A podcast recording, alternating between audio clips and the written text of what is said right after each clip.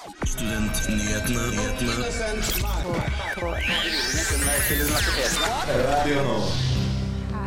Og velkommen til Studentnyhetene. Dette er jo den aller beste timen her på Radio Nova, synes i hvert fall jeg. Eh, Og stemmen du hører nå, det er meg, Selma Bull. Og det er jeg som skal lede dere gjennom denne ukas nyhetssending. Det skal jeg ikke gjøre alene, for med meg i studio har jeg Radio Novas ansvarlige redaktør og Studentnyhetenes personlige filmekspert, Ina Elisabeth Sletten. Hei, hei. Hei, hei. Eh, Og det er Carl Magnus Olsen som styrer teknikken. Vi har jo en del spennende vi skal gjennom i dag. Ina, kan ikke du fortelle oss litt hva som står på tapetet?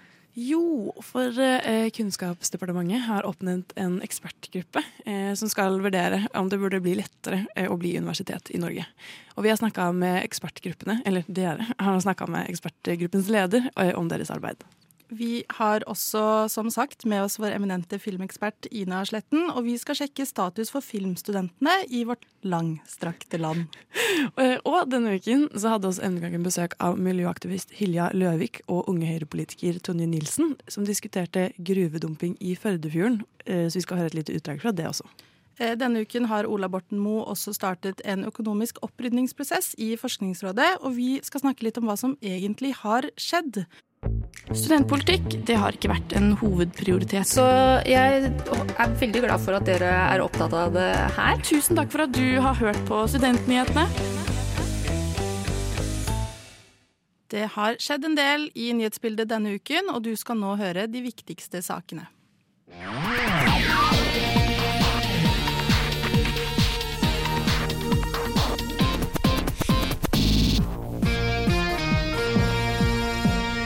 Flere av SIO sine studentboliger vil nå øke i leie med 3,9% fra august, melder NRK.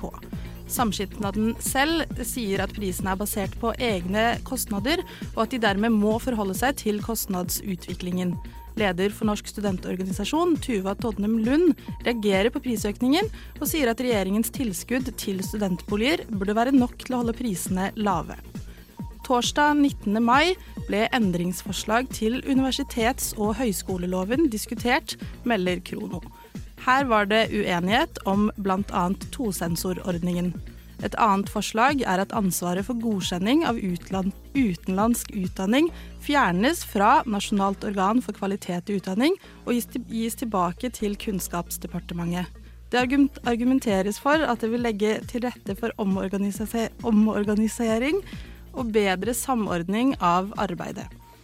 Denne uken har Ola Borten Moe annonsert at det vil komme store endringer i Forskningsrådet. Han har allerede kastet styret og vil komme med flere tiltak som til sammen ville utgjøre kutt på over 800 millioner kroner. Dette skal vi snakke om litt senere i sendingen. Torsdagens spørretime på Stortinget ble ikke som den pleier. Extinction Rebellion hadde nemlig limt seg fast til rekkverket på publikumsgalleriet for å demonstrere. De ble til slutt fjernet av politiet ved hjelp av løsemidler. Frp-leder Sylvi Listhaug sa at hun håper de får en klekkelig bot. Det var ukens nyhetsoppdatering, og mitt navn er Selma Bull.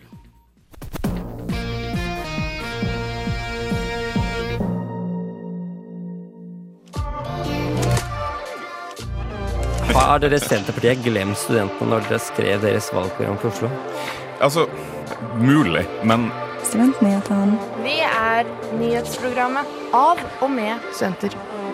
Hver fredag fra 11 til 12 på Radio Nova. Det er jo eh, spesielt vanskelig å bli universitet i Norge sammenligna med resten av verden. Forrige onsdag satte eh, Kunnskapsdepartementet ned en ekspertgruppe som skal vurdere å gjøre det lettere. Vi har snakka med lederen av gruppa om arbeidet de nå skal gå i gang med. I Hurdalsplattformen fra oktober 2021 ble det skrevet at Støre-regjeringen ville sette i gang en reell avbyråkratisering i høyere utdanningssystemet i Norge. På bakgrunn av dette satt Kunnskapsdepartementet onsdag ned en ekspertgruppe som skal vurdere om akkrediteringssystemet for universiteter i landet burde forenkles. Dette er ekspertgruppens leder Ingvild Marem Larsen, som er viserektor for utdanning og studiekvalitet ved Universitetet i Sørøst-Norge. Kunnskapsdepartementet har eh, satt ned en ekspertgruppe som skal se på dette med akkreditering av universitet. Eh, Og jeg skal lede den gruppa.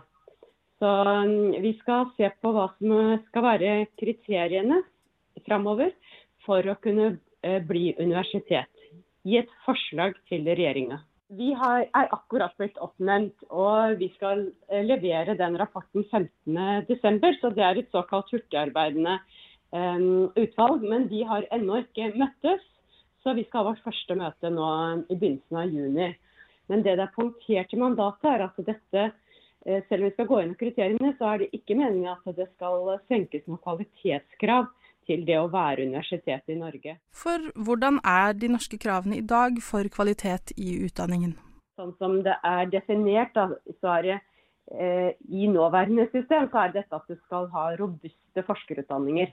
Det har liksom vært det eh, kravet som har vært strengest, i tillegg til at man skal innfri en del forskrifter, selvsagt. Og da er ikke bare vi skal se på utdanning, vi skal se på hele systemet, alle oppgavene universiteter har. Hva skal være kriteriene for både utdanning og forskningsvirksomheten på universitetet for at det skal kunne kalle seg universitet. Det kan hende det er andre ting enn dette med fire doktorgradsutdanninger og størrelsen og volumet på dem som skal bestemme om man skal være universitet eller ikke. Det skal vi gå igjennom nå.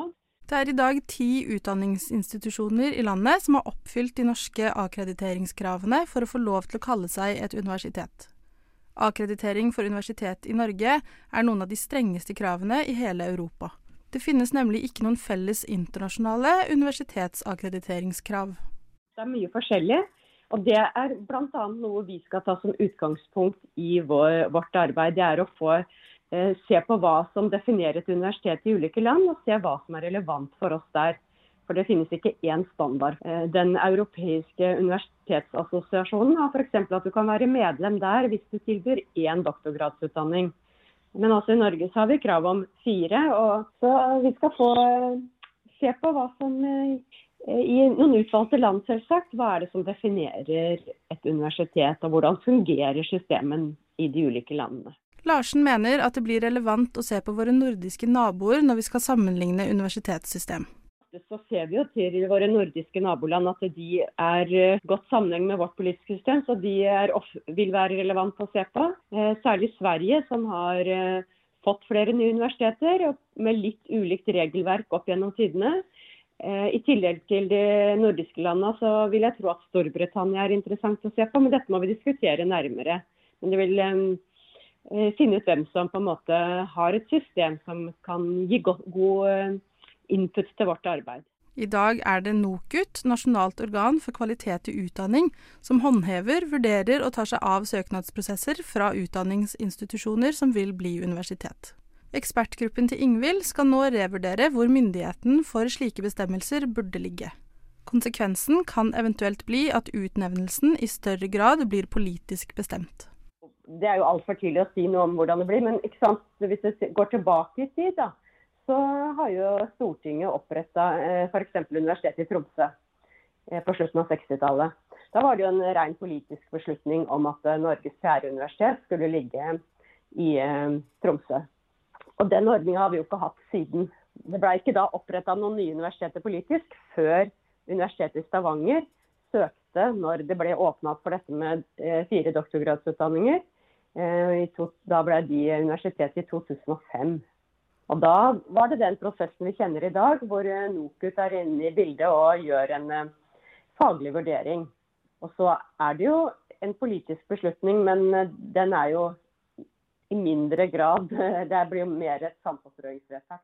Dersom en regelendring etter hvert kommer ut av ekspertutvalgets rapport, vil det ifølge Larsen først og fremst gagne studentene. Det det vil bety for studenter, det er jo eh, for institusjonene så får man større faglige fullmakter i Norge, sånn som reglene er nå. Eh, da kan man selv opprette eh, master- og doktorgradsprogrammer. Eh, så det betyr noe. Og så erfarer vel institusjonene at det er lettere å få internasjonalt samarbeid både på forskning og utdanningssida. Og det er klart kan komme studentene til gode når man er universitet. Det er lettere å få til samarbeid med andre universitet internasjonalt. Ekspertene har mye de skal gjennom før innleveringsfristen 10.12, og forslaget vil kunne påvirke Universitets-Norge sterkt. Ingvild selv ser frem til både arbeidet og ledervervet. Nei, Her er det veldig godt kompetente folk i både sekretariatet og i ekspertgruppa, så jeg gleder meg veldig til å jobbe med dem. Det er mye kompetanse, mye erfaring, så det blir kjempespennende å jobbe med dem. Så dette blir moro. Veldig interessant og spennende arbeid. Ingvild poengterte at en eventuell lovendring er ganske langt frem i tid etter at rapporten ferdigstilles i desember. Takk til Ingvild Marheim Larsen. Reporteren vår i denne saken var Ingrid Karoline Karlsen. Vi må innom det aller helligste temaet blant studenter. Det er jo studiestøtte. Studiestøtte. Har du ikke hørt det? Det aller helligste temaet blant studenter. Studentnyhetene hver fredag fra 11 til 12 på Radio Nova. Vi har jo med oss Ina Sletten i dag, og du har jo kanskje litt koll på hvordan det er å være filmstudent her i Norge. Kan ikke du fortelle oss litt om det? Jeg er jo ikke filmstudent selv, men jeg har god kjennskap til flere av de. Eh, og eh, det virker jo Først så er det jo ikke de så veldig mange filmskoler i, i Norge. Det, finnes, det er jo Westerdals her i Oslo som har eh, regi, og, men ikke liksom er en ren filmskole. Eh, og så har du Filmskolen i Lillehammer, eh, som slipper inn studenter annethvert år. Og det er vel seks stykker på registolen, så det er relativt få der også. Og så har vi en i Nord-Norge, i Lofoten. Um, som eh, nettopp, eller for eh, tre uker siden, fikk bekrefta at de får lov til å fortsette. Fordi det siste halvåret har det vært en pågående debatt eh, hvor ordføreren i Lofoten har vært usikker på om han har lyst til å fortsette å gi støtte, eh, fordi han ikke mener eller ikke så eh, verdien i å ha eh, en filmskole der oppe. Eh, noe som er veldig rart, spesielt når norsk film blomstrer for tida. og ja, har, man har jo mye håp på at det kan bli stort. og vi ligger for eksempel også, hvis man skal se historisk på det, da, Norge, nei, Danmark og Sverige, som er milvis foran oss. De har, en helt annen status i filmverdenen enn vi har. Og det er også kanskje fordi de er 30 år foran oss i filmskole. Um, de fikk filmskole 30 år før oss, da. Så det er, ikke, det er ikke så mye å velge fra, og det virker som man fortsatt må, må kjempe litt for å, å, holde det oppe, da. Rett og slett. Men eh, hvorfor var ordføreren der oppe usikker på om han ville satse på filmskole? Nei, jeg skjønner jo på en måte egentlig tankegangen hans også, nettopp fordi det ikke går så bra eh, med eller norsk film, eh, eller inntil nylig, da. For det er ikke så veldig lett å finne eh, filmjobber i Norge uansett. Det er, um, det er dyrt å lage film i Norge, eh, mye fordi vi har en litt rar eh, insentivordning som gjør at utenlandske produksjoner eh, ikke har så eh, Det er ikke noe poeng, da. De taper bare penger på å spille inn ting her i Norge. Og NRK kom jo med en sak i går angående den intensivordningen vi tilbyr. Og per dags dato så har vi da en pott. De fleste andre land har en slags sånn prosentløsning hvor du kan komme inn uh, i et land og være sånn Hei, jeg har lyst til å putte inn så mange millioner her. Og så sier de OK, du får uh, for eksempel, jeg tror det er Belgia som har 30% rabatt, på en måte. da, Sånn at du får tilbake litt av pengene du legger igjen. Og det leder for eksempel til da, at veldig mange norske filmer ikke spilles inn i Norge en gang. Sånn Aftenposten for to uker siden kom med en sak uh, hvor de blant annet skrev at Skjelvet, uh, storfilm, spilte inn i Praha. Uh, Snekker, Snekker, Andersen, uh, som han er en julefilm for noen år siden, ble spilt inn i Bucarest. Det gir ingen mening. og Den største forbrytelsen, som også handler om krigshandling i Norge, ikke spilt inn 100% i Norge. Ble ikke også 'Snøfall', eh, julekalenderen, spilt inn i Romania, eller hva det var? Sikkert. Eh, jeg syns jo det høres veldig merkelig ut, for hvis vi vil ha mye bra norsk, eh, så burde det jo eh, være flere skoler. For det fører kanskje til at eh, masse utenlandsk film tar plass fra norske produksjoner. Og så er det jo da at eh, det er bare så og så mange som får med den potten vi har i dag, så er det bare noen som får penger. Eh, egentlig så burde det jo heller vært sånn at alle som søkte, hadde lyst til å lage film i Norge. Kunne i hvert fall fått en mulighet eh, på en eller annen måte. Mens eh, for eksempel nå har det jo vært James Bond og eh, Mission Impossible som har fått lov, og da får selvfølgelig de ganske store biter av den kaka. Eh, og nå har jo eh, NFI fikk ganske mye kritikk for de la ned en, en, en, støtteordning for unge filmskapere eh, som heter Nye Veier. Den ble lagt ned, men nå har de åpna en ny da, som heter Neo, eh, som er for unge talenter. Og de har allerede eh, bevilga penger til tre veldig spennende prosjekter, så det er jo en kjempebra løsning. Um, og Anette Trettebergstuen sier i, um, og innrømmer i NRK-saken at det er for dårlig. uh, men at det er noe som må Det er, jobbes med en rapport uh, som hun skal ta inn i betraktning over sommeren. Da. Så det tar jo tid uh, å finne ut av det, og jeg vet at folk er litt frustrerte over at det ikke skjer fortere. Men, men betyr det da at det er man kan lukte en liten endring langt ut i horisonten med den rapporten?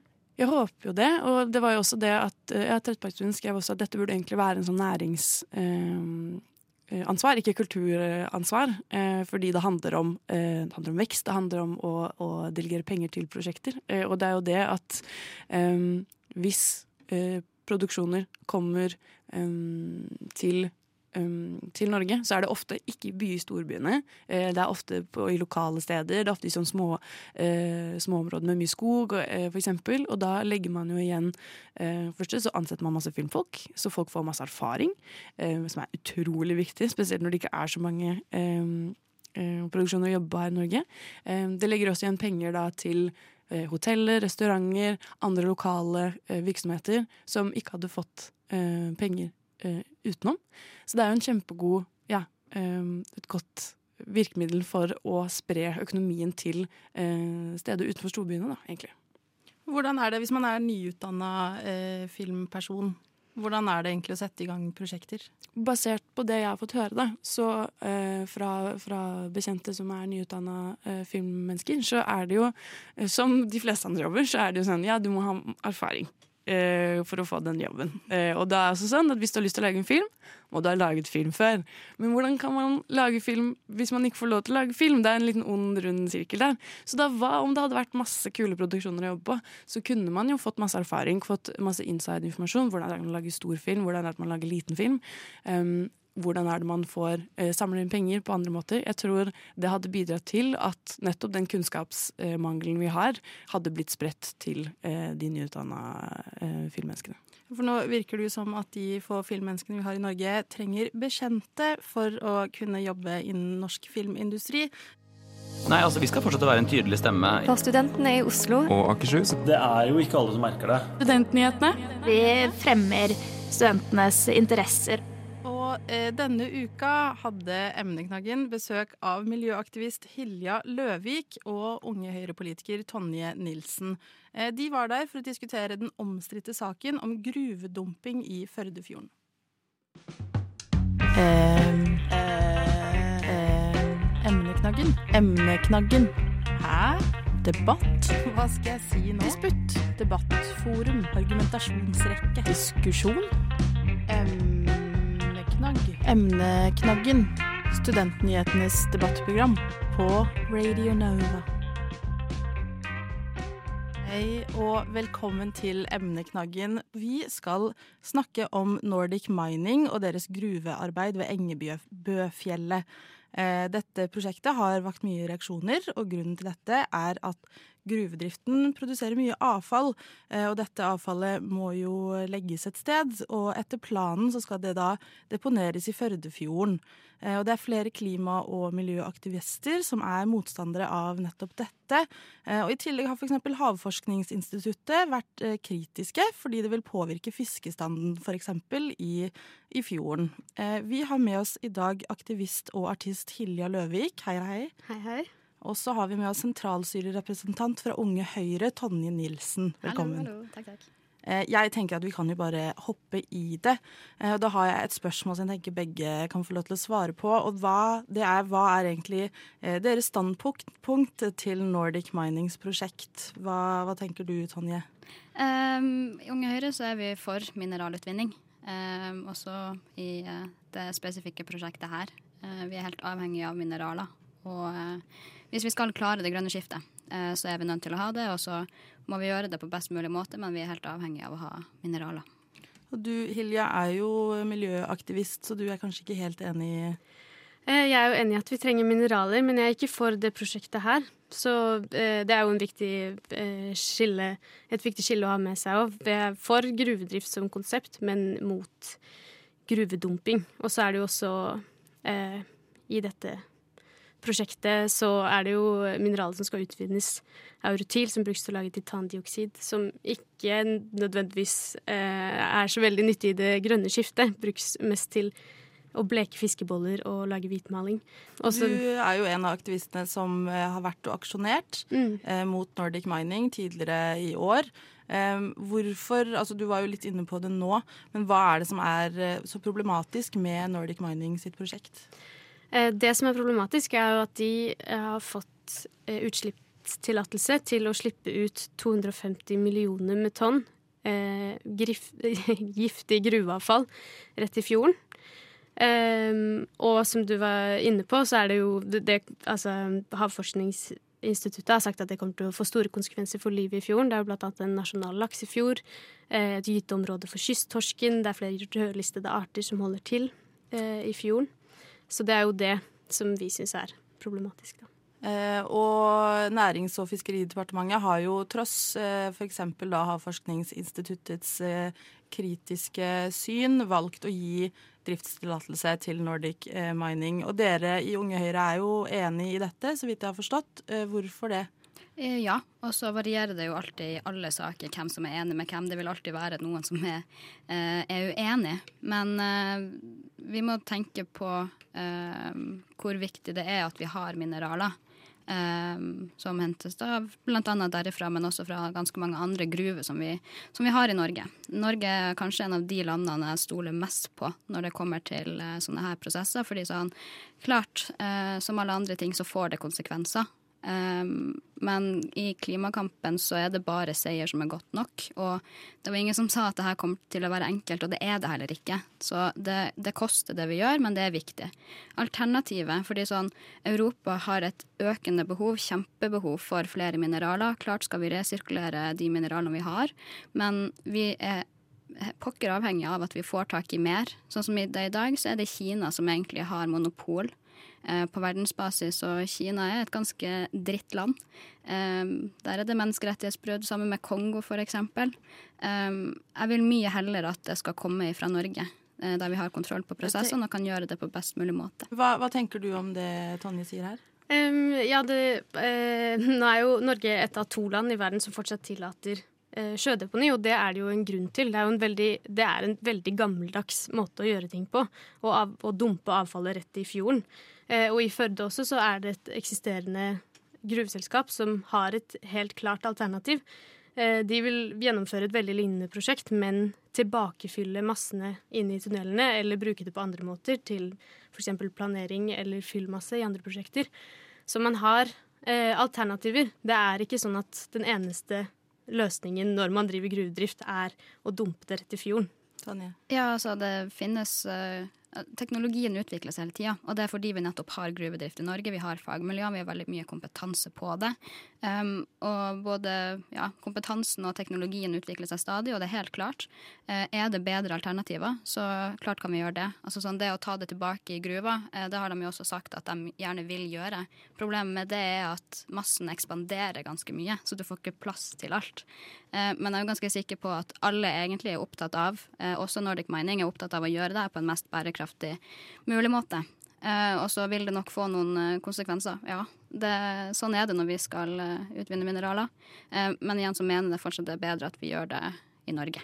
Ja, Det er jo veldig lett å si at man har lyst til å gjøre det på en bærekraftig måte. og det er ikke bærekraftig å dumpe avfallet i fjorden. Klart, som student så har du lite penger å rutte med, jeg skjønner det. Men hva betyr det for studentene? Jo, det tror jeg det er mange som lurer på. Nei, altså Vi skal fortsette å være en tydelig stemme. For studentene i Oslo. Og Akershus. Det er jo ikke alle som merker det. Vi fremmer studentenes interesser. Burde studenter bry seg mer om denne problematikken? Mulig, men Studentpolitikk det har ikke vært en hovedprioritet. Så jeg er veldig glad for at dere er opptatt av det her. God studentpolitikk er god eh, fremtidspolitikk. Det er jo noe mange føler at uh, de går glipp av. Velkommen til deg. Ja, du, nå spør om Peter. Flere studenter venter akkurat nå. Og vi ønsker jo ikke at det skal være sånn. Være sånn. Eh, så vi ønsket å kunne ha det stedet hvor det var mer tilgjengelig for folk. Da. Så vi håper dette her bidrar til å gi alle studentene en trygg og god start på fredagen. Tusen takk for at du har hørt på Studentnyhetene. Forrige uke så snakket vi om eh, akademisk strid i Danmark. Um, og da snakket vi om kampanjen 'Please Don't Steal My Work'. Uh, og denne uken så har det vært strid i Norge, men denne gangen er det mellom regjeringen og akademia. Uh, og det kommer av at Ola Borten Moe har lyst til å rydde litt opp i Forskningsrådet. Ola, hva er det han har gjort nå? Han eh, har, har, tatt litt sånn drostiske tiltak. Eh, 12. mai så sto det i Aftenposten at regjeringens tålmodighet med styringen av Forskningsrådet er slutt. Eh, og det er ganske harde ord. Og det kommer av eh, at forsknings- og høyere utdanningsminister Ola Borten Moe rett og slett har kastet hele styret til eh, Forskningsrådet eh, og har satt inn et nytt midlertidig styre med tidligere finansminister og SV-politiker Kristin Halvorsen som eh, leder. Og dette styret er da redusert fra 11 til 5 medlemmer. Og det er rett og slett fordi departementet mener at det trengs mer kompetanse på offentlig forvaltning og budsjettering og regnskapsregler. Dette er mange store, vanskelige ord, og det høres skummelt ut. At man bare har Jeg føler det er sånn film hvor man bare sånn Alle har fått sparken! Deg, deg, deg, Ut! Eh, men hva er, det, hva er, det, snakk om? Det, hvor mye penger er det snakk om? på en måte? Det er rett og slett eh, snakk om 842 millioner kroner eh, ut eh, 2023. Eh, altså reduksjon da, på 842 millioner kroner. Eh, og det er basert på åtte tiltak som nå ligger på bordet til det nye eh, styret. Og disse kuttene inkluderer at man skal utsette Eh, starten av flere større prosjekter, som egentlig er planlagt, men nå har de sagt mm, vi har ikke penger til å eh, starte dette prosjektet allikevel, så vi må utsette det.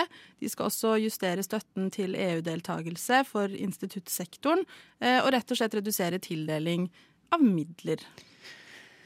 Men hvorfor, hvorfor, gjør, hvorfor, gjør, man dette nå? Eller sånn, hvorfor, det er så utrolig plutselig, da. Ja, eh, og det mener jo Forskningsrådet selv. Eh, men det Kunnskapsdepartementet legger til grunn, er at eh, Forskningsrådet visstnok har på en måte gitt penger de egentlig ikke har. Og på en måte sagt til forskere at dere får penger, disse pengene i år, og så får dere så og så mye neste år også. Og rett og slett har lovet at forskere skal få penger før man egentlig har budsjettrammen for det neste året. Så man vet egentlig ikke hvor mye penger Forskningsrådet har å gi ut, da. Og det er jo flere forskere Eh, som f.eks. de eh, May-Britt Moser og Edvard Moser, som har vunnet nobelprisen innen lurer på om det er hjerneforskning. Eh, de mener at dette grunnlaget blir litt feil, fordi at man er avhengig av dette langtidsperspektivet for å kunne drive med forskning. For det er jo ikke til å legge under en sten at forskning tar jo lang tid. Det skjer over flere år.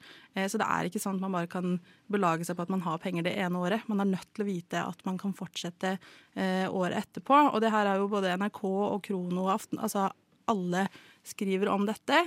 Eh, og på onsdag så var Ola Borten Moe på Dagsnytt 18. Hørte du på det, Ina? Ja. Hva syns du om, eh, syns du om debatten? Nei, man svarer jo egentlig ikke på noen ting, da. Fordi man sier det er ikke kutt.